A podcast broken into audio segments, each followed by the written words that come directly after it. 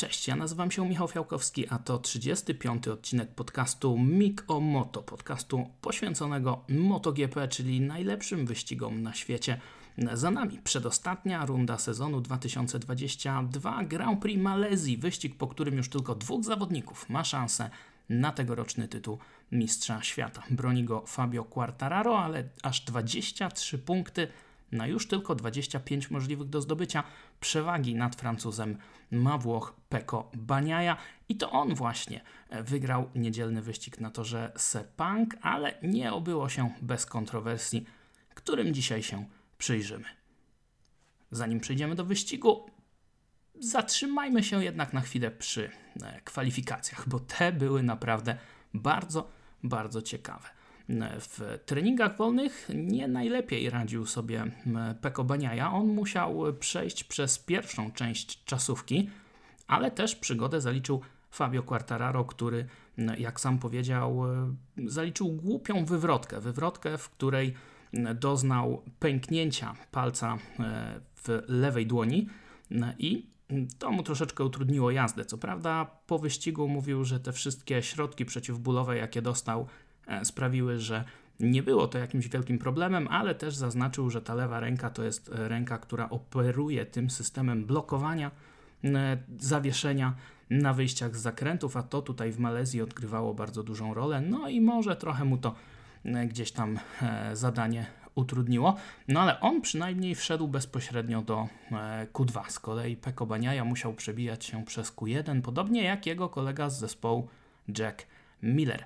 No i tutaj działy się bardzo ciekawe rzeczy, ponieważ e, w pierwszej części e, kwalifikacji wszyscy czekali na e, Peko Baniaje, a i Ducati zagrało bardzo ciekawie. Wypuścili Jacka Millera jako wabik. Miller zabrał tam za sobą na hol Marka Marqueza, który przez cały weekend za zawodnikami Ducati jeździł, a Peko Baniaja samotnie w tej drugiej części kwalifikacji wykręcił najlepszy czas, awansował do Q2. Jack Miller tymczasem mm, spowalniając później troszeczkę stawkę, robiąc sobie miejsce, stracił 11 e, sekund, rozpoczął kolejne okrążenie, no i w drugim zakręcie zimna tylna opona puściła. E, Jack Miller zaliczył highside. Pamiętacie dokładnie to samo 3 lata temu zrobił Mark Marquez w kwalifikacjach, kiedy e, jechał na tym przysłowiowym holu za Fabio Quartararo. Wtedy też puścił tył na wejściu bez gazu.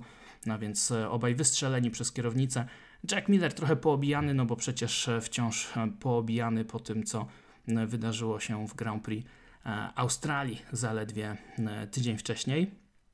No i niestety Jack Miller odpada po Q1, a Mark Marquez przechodzi do Q2. W drugiej części czasówki wykręca trzeci czas, zapewnia sobie start z pierwszego rzędu, ale już po kwalifikacjach od razu mówi: Nie, nie, nie, to nie będzie powtórka z Australii nie mamy takiego tempa, aby powalczyć o zwycięstwo. Mamy duże problemy z motocyklem. Tak też było e, w niedzielę. Marquez nie liczył się jakoś specjalnie w walce.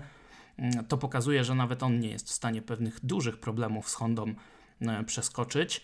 E, problemy są nie tylko z motocyklem, ale także z czasem, bo wygląda na to, że ta nowa maszyna na przyszły sezon nie będzie gotowa za tydzień na testy w Walencji, więc tutaj robi się E, ciekawie, e, ale dzisiaj myślę, że e, na tym możemy poprzestać, jeśli chodzi o Marka Marqueza. Tydzień temu było o nim dużo, dzisiaj bohaterowie to osoby zupełnie, zupełnie inne. A jednym z takich bohaterów był Jorge Martin, który zaliczył świetne kwalifikacje. Wywalczył pole position, podobnie zresztą jak w Australii, gdzie był piekielnie szybki. E, no i poprawił rekord okrążenia o pół sekundy, a po wszystkim powiedział, że nie, to wcale nie było jakieś super hiper e, okrążenie. Jorge Martin oczywiście jest wciąż, myślę, że mocno podrażniony tym, że Ducati e, wybrało Ene Bastianiniego na miejsce Jacka Millera, a nie właśnie jego, ale to, co się wydarzyło podczas niedzielnego wyścigu, myślę, że tylko potwierdza, że to była dobra decyzja, ponieważ Jorge Martin po świetnym starcie wystrzelił na czoło stawki, e, cisnął bardzo mocno, no i niestety po kilku okrążeniach to się skończyło uślizgiem przedniego koła w piątym zakręcie, wywrotką, no i dla Jorge Martina było już po e, zabawie. E, a Peko Baniaja, o którym mówiłem, że tak sprytnie pojechał w sobotę Q1, W Q2 już tak dobrze sobie nie poradził, bo zaliczył tam wywrotkę. No i znów pokazał, że z tą presją to jest u niego e, różnie. Zakwalifikował się do wyścigu dopiero na dziewiątej pozycji. To była jego druga wywrotka e, w ten weekend i on też po wszystkim przyznał, że tak, jestem tylko człowiekiem, zaczynam to ciśnienie e, rzeczywiście dosyć mocno odczuwać. Tym bardziej, że tam cała rodzina Peko była na zapleczu, wszyscy się zjechali, licząc na to, że może już w niedzielę będą świętować mistrzowski tytuł. Tak się nie stało, jak wiemy, ale o tym za chwilę. Peko startował z dziewiątej pozycji, ale wystartował absolutnie niesamowicie. On sam mówi, że to był najlepszy start w jego życiu, najlepsza reakcja, ale też bardzo mocno opóźnione hamowanie do pierwszego zakrętu i w ten sposób z dziewiątego na drugie miejsce e, przeskoczył. Ja się zastanawiam, czy coś tutaj mogło Ducati zakombinować e, z elektroniką, z mapowaniem, e, żeby dać mu jakąś super, hiper moc na te pierwsze metry. Tego nie wiemy, oni też i tak się do tego by nie przyznali, no ale mimo wszystko Peko Baniaja tutaj wykonał kapitalną absolutnie robotę, znalazł się na drugiej pozycji. Trzeci był Enea Bastianini, a więc zawodnik, który no, jechał po utrzymanie przy życiu swoich mistrzowskich e, aspiracji, bo e, był tam czwarty w tabeli i bardzo mocno liczył na to, że to się dla niego matematycznie wszystko w Malezji nie zakończy jak Martin się przewrócił, no to e, Peko Baniaja znalazł się na czele tego wyścigu. E, Enea Bastianini jechał tuż za nim, a za nimi zaczęło się robić ciekawie, bo na trzecią pozycję e, po też słabych kwalifikacjach przebił się Fabio Quartararo i zaczął gonić tę prowadzącą dwójkę. W tym momencie Bastianini wyprzedził Peko Baniaję, ale nie był w stanie mu odjechać. Natomiast myślę, że to, że mm, Bastianini narzucił tempo, może też pomogło troszeczkę Peko Baniai utrzymać koncentrację, utrzymać rytm. Może to pomogło odjechać od y, Fabio Quartararo w końcówce, czy raczej w środkowej i końcowej części tego wyścigu, no bo był tam taki moment, w którym Marco Bezecchi awansował na czwartą pozycję i on zaczął się zbliżać do Fabio Quartararo. Gdyby go wyprzedził i Quartararo spadłby na czwartą pozycję, no to wówczas Peko Baniaja, wygrywając wyścig, automatycznie zostałby mistrzem świata. I to poruszenie, które widzieliście e, w alei serwisowej, te e, nerwowe rozmowy pomiędzy e, szefem Ducati Corse Gigim Dalinią, menadżerem sportowym Ducati Corse Paolo Ciabatim i menadżerem zespołu fabrycznego Davide Tardozzim, no to były właśnie, jak się okazuje po fakcie, rozmowy na ten temat. Co zrobimy, jak już Bezeki będzie trzeci? Czy będzie tutaj trzeba ekipie Gressiniego, która tam była box w box z fabrycznym zespołem Ducati, powiedzieć: Panowie, dajcie swojemu zawodnikowi jasny komunikat, że musi to zwycięstwo po prostu oddać. No i teraz możecie się oburzać, że ale to słabe.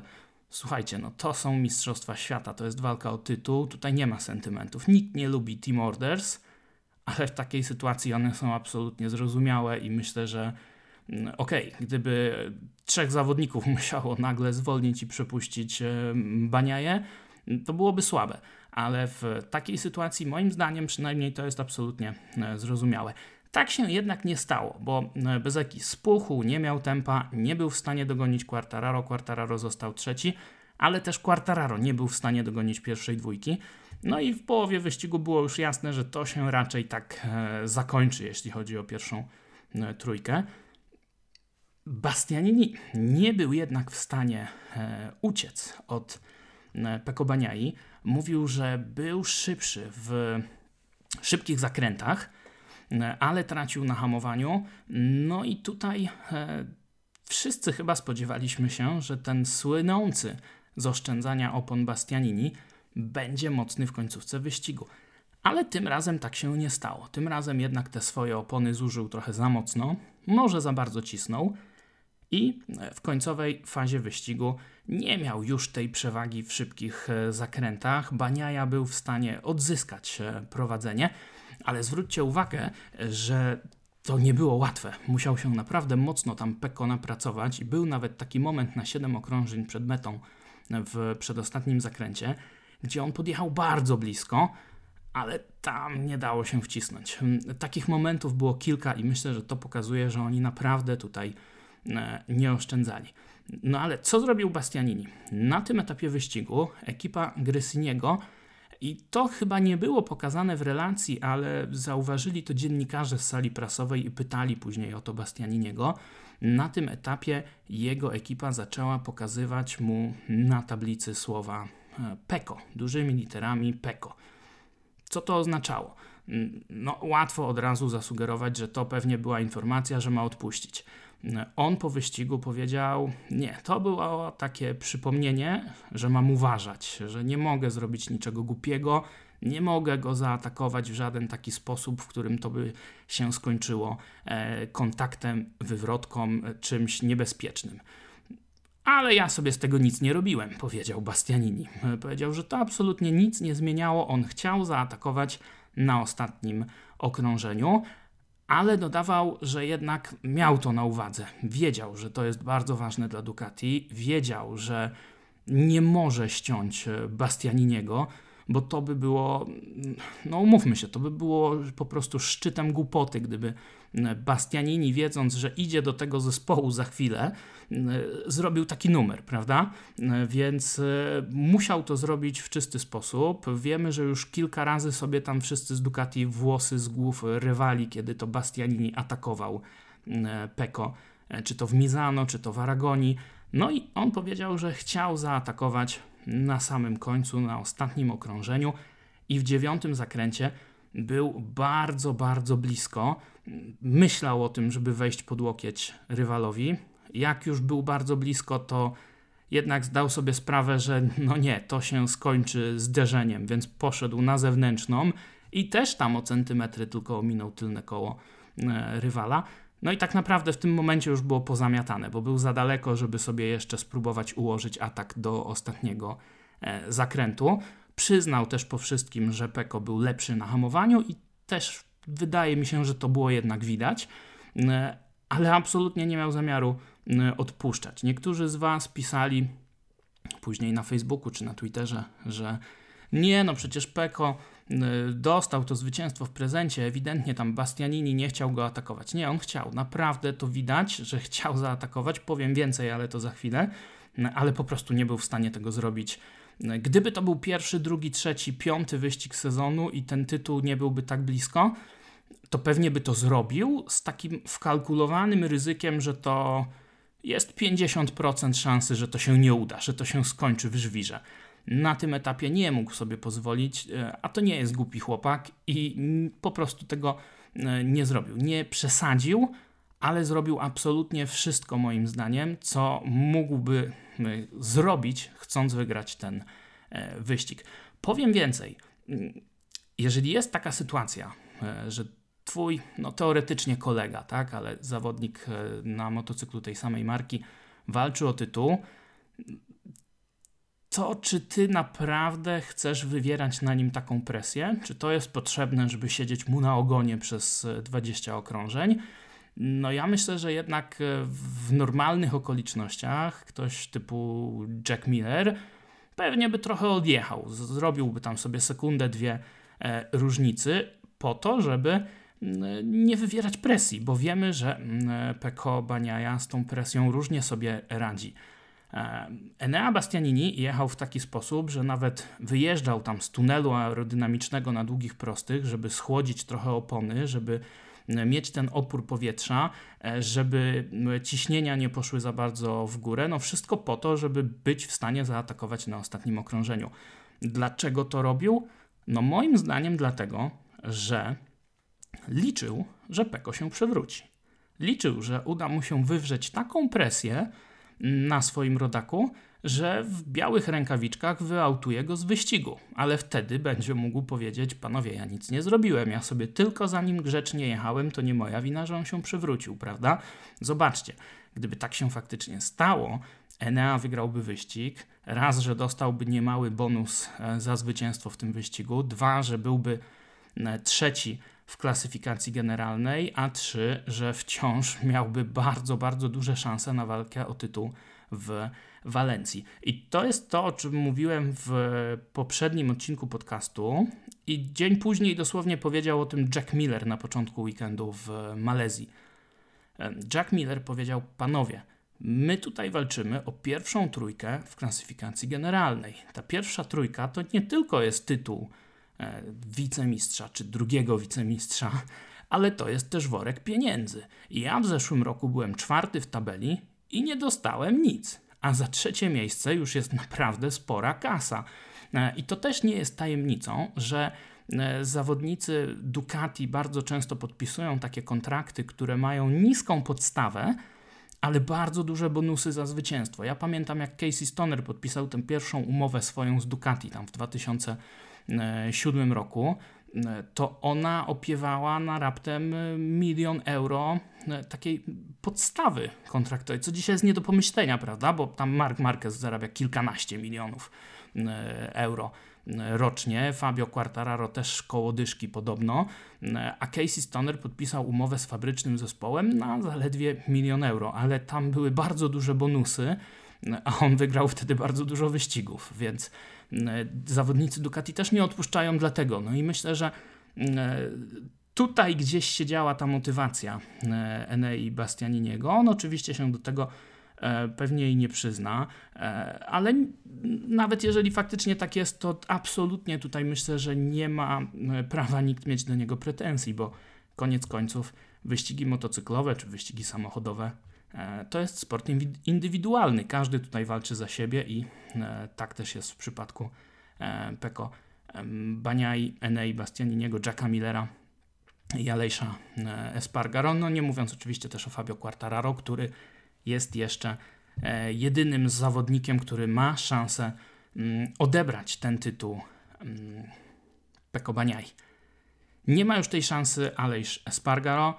On ukończył wyścig na dziesiątej chyba pozycji, był jedenasty, ale tam w przedostatnim zakręcie uderzył w niego Franco Morbidelli. Morbidelli dostał za to 3 sekundy kary, no i spadł na 11 miejsce, Alejsz awansował na dziesiąte i w ten sposób wybronił się przed y, utratą tej trzeciej pozycji w tabeli, bo jak ten wyścig się zakończył, ja od razu wrzucałem posta na Facebooka y, z takim krótkim podsumowaniem i napisałem, że panowie zrównali się punktami. Bastianini i Alejsz Spargaro. Ktoś mnie tam zaraz wypunktował, że ej, nie, nie, to wcale tak nie jest, bo Alejsz ma punkt przewagi. No i rzeczywiście po czasie e, okazało się, że Morbidelli dostał karę, Alejsz ukończył wyścig pozycję wyżej, no i dzięki temu ma ten jeden punkcik więcej. Zachowuje e, trzecią pozycję w tabeli, ma tylko jedno oczko przewagi nad e, Eneą Bastianinim. E, no i w takiej sytuacji za chwilę przystąpimy do ostatniego weekendu wyścigowego tego sezonu.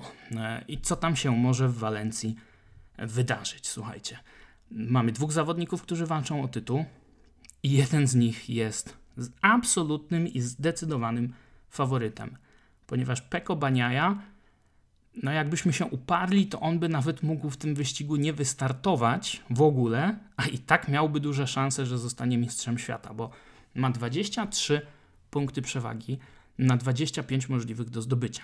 To znaczy, że Fabio Quartararo musi ten wyścig wygrać. Jak będzie drugi, to to już nic mu nie daje.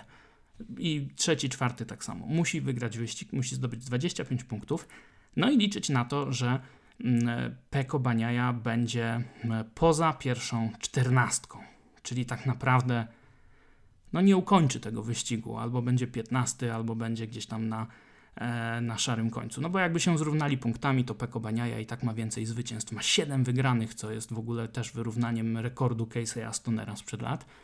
E, I problem polega na tym, że w tym ostatnim wyścigu wszyscy będą po stronie Peko Baniai. No i oni nie będą świadomie po jego stronie, ale każdy przystępuje do tego wyścigu ze swoim własnym celem.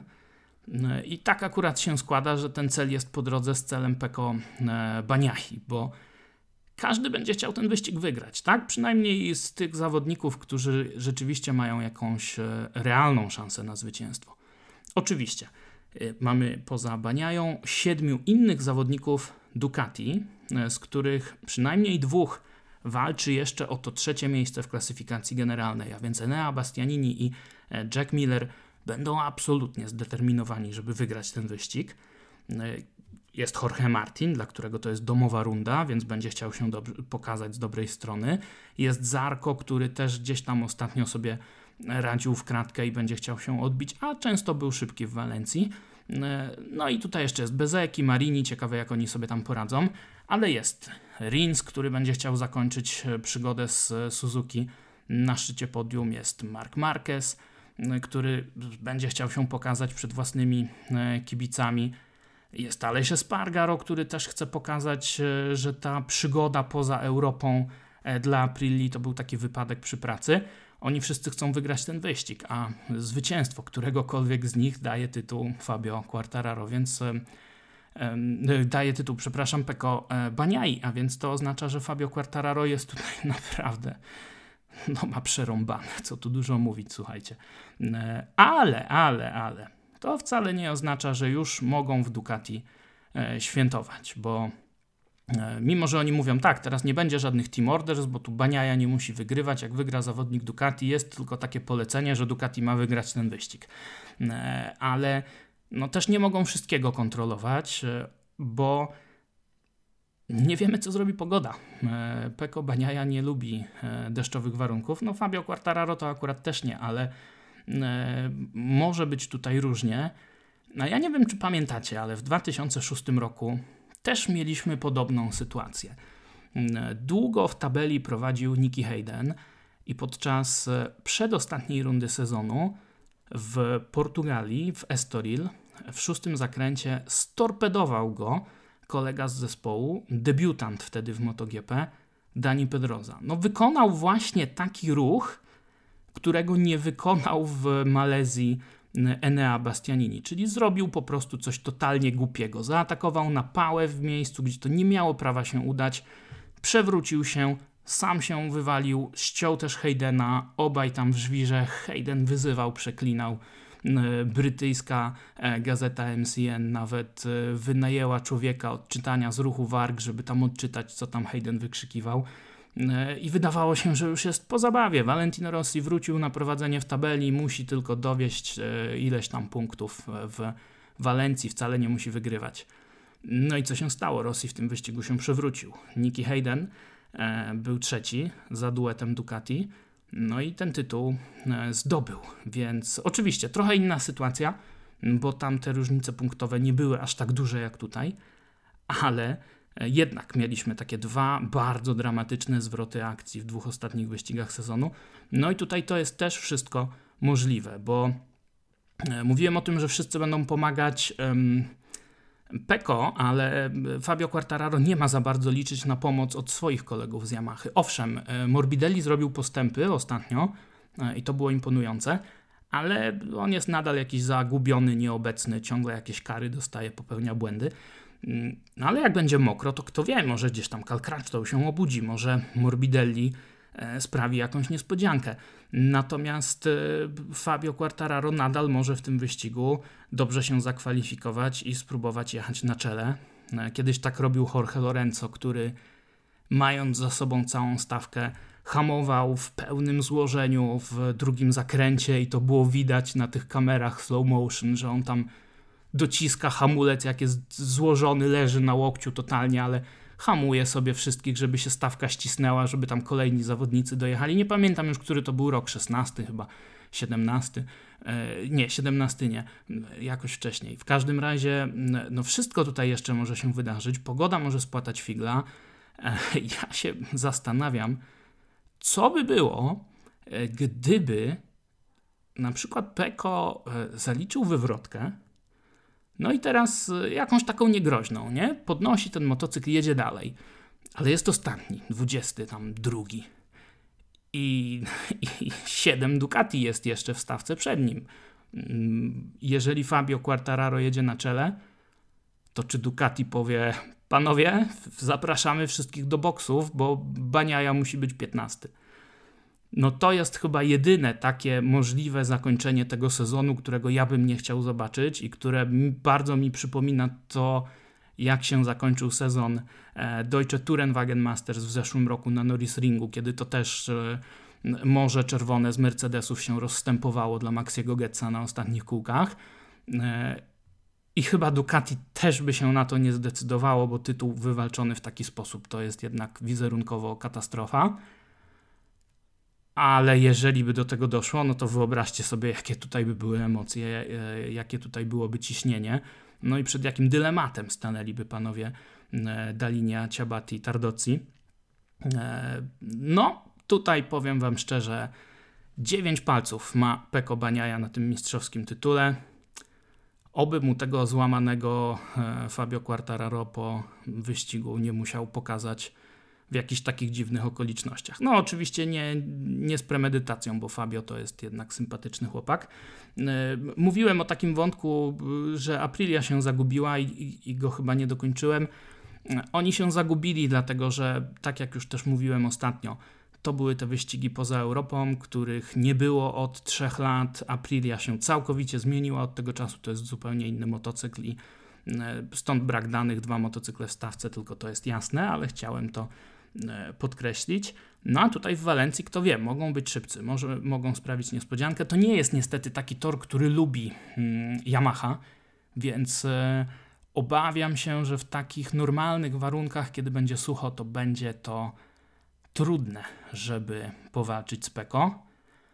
No a on sam też musi teraz pokazać, że jednak e, wytrzyma presję, że jednak nie popełni błędu i poradzi sobie e, z tym wszystkim. No, dla niego byłoby najlepiej, gdyby tutaj zamknął usta krytykom i, i sięgnął po ten tytuł, wygrywając ostatni wyścig, utrzymając ze sobą Bastianiniego i tak dalej.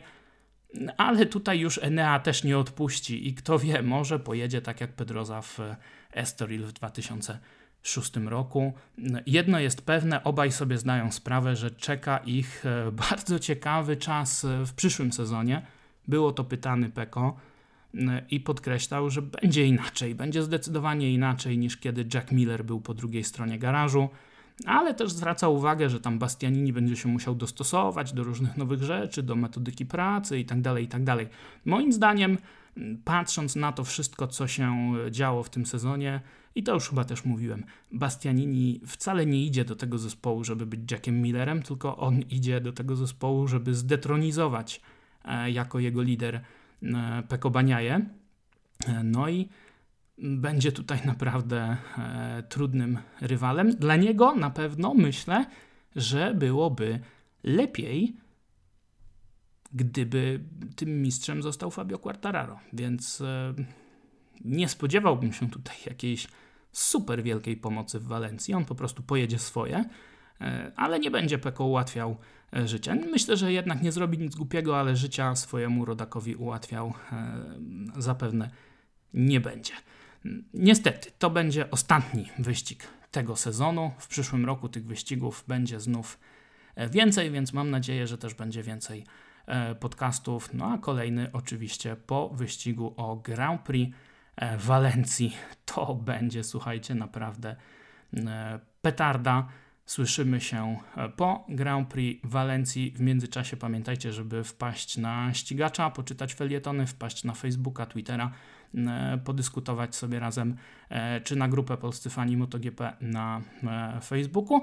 A też byłoby miło, gdybyście dali lajka, czy tam subika, czy cokolwiek się daje tam, gdzie słuchacie albo oglądacie ten e, podcast, bo to też zawsze oczywiście e, pomaga.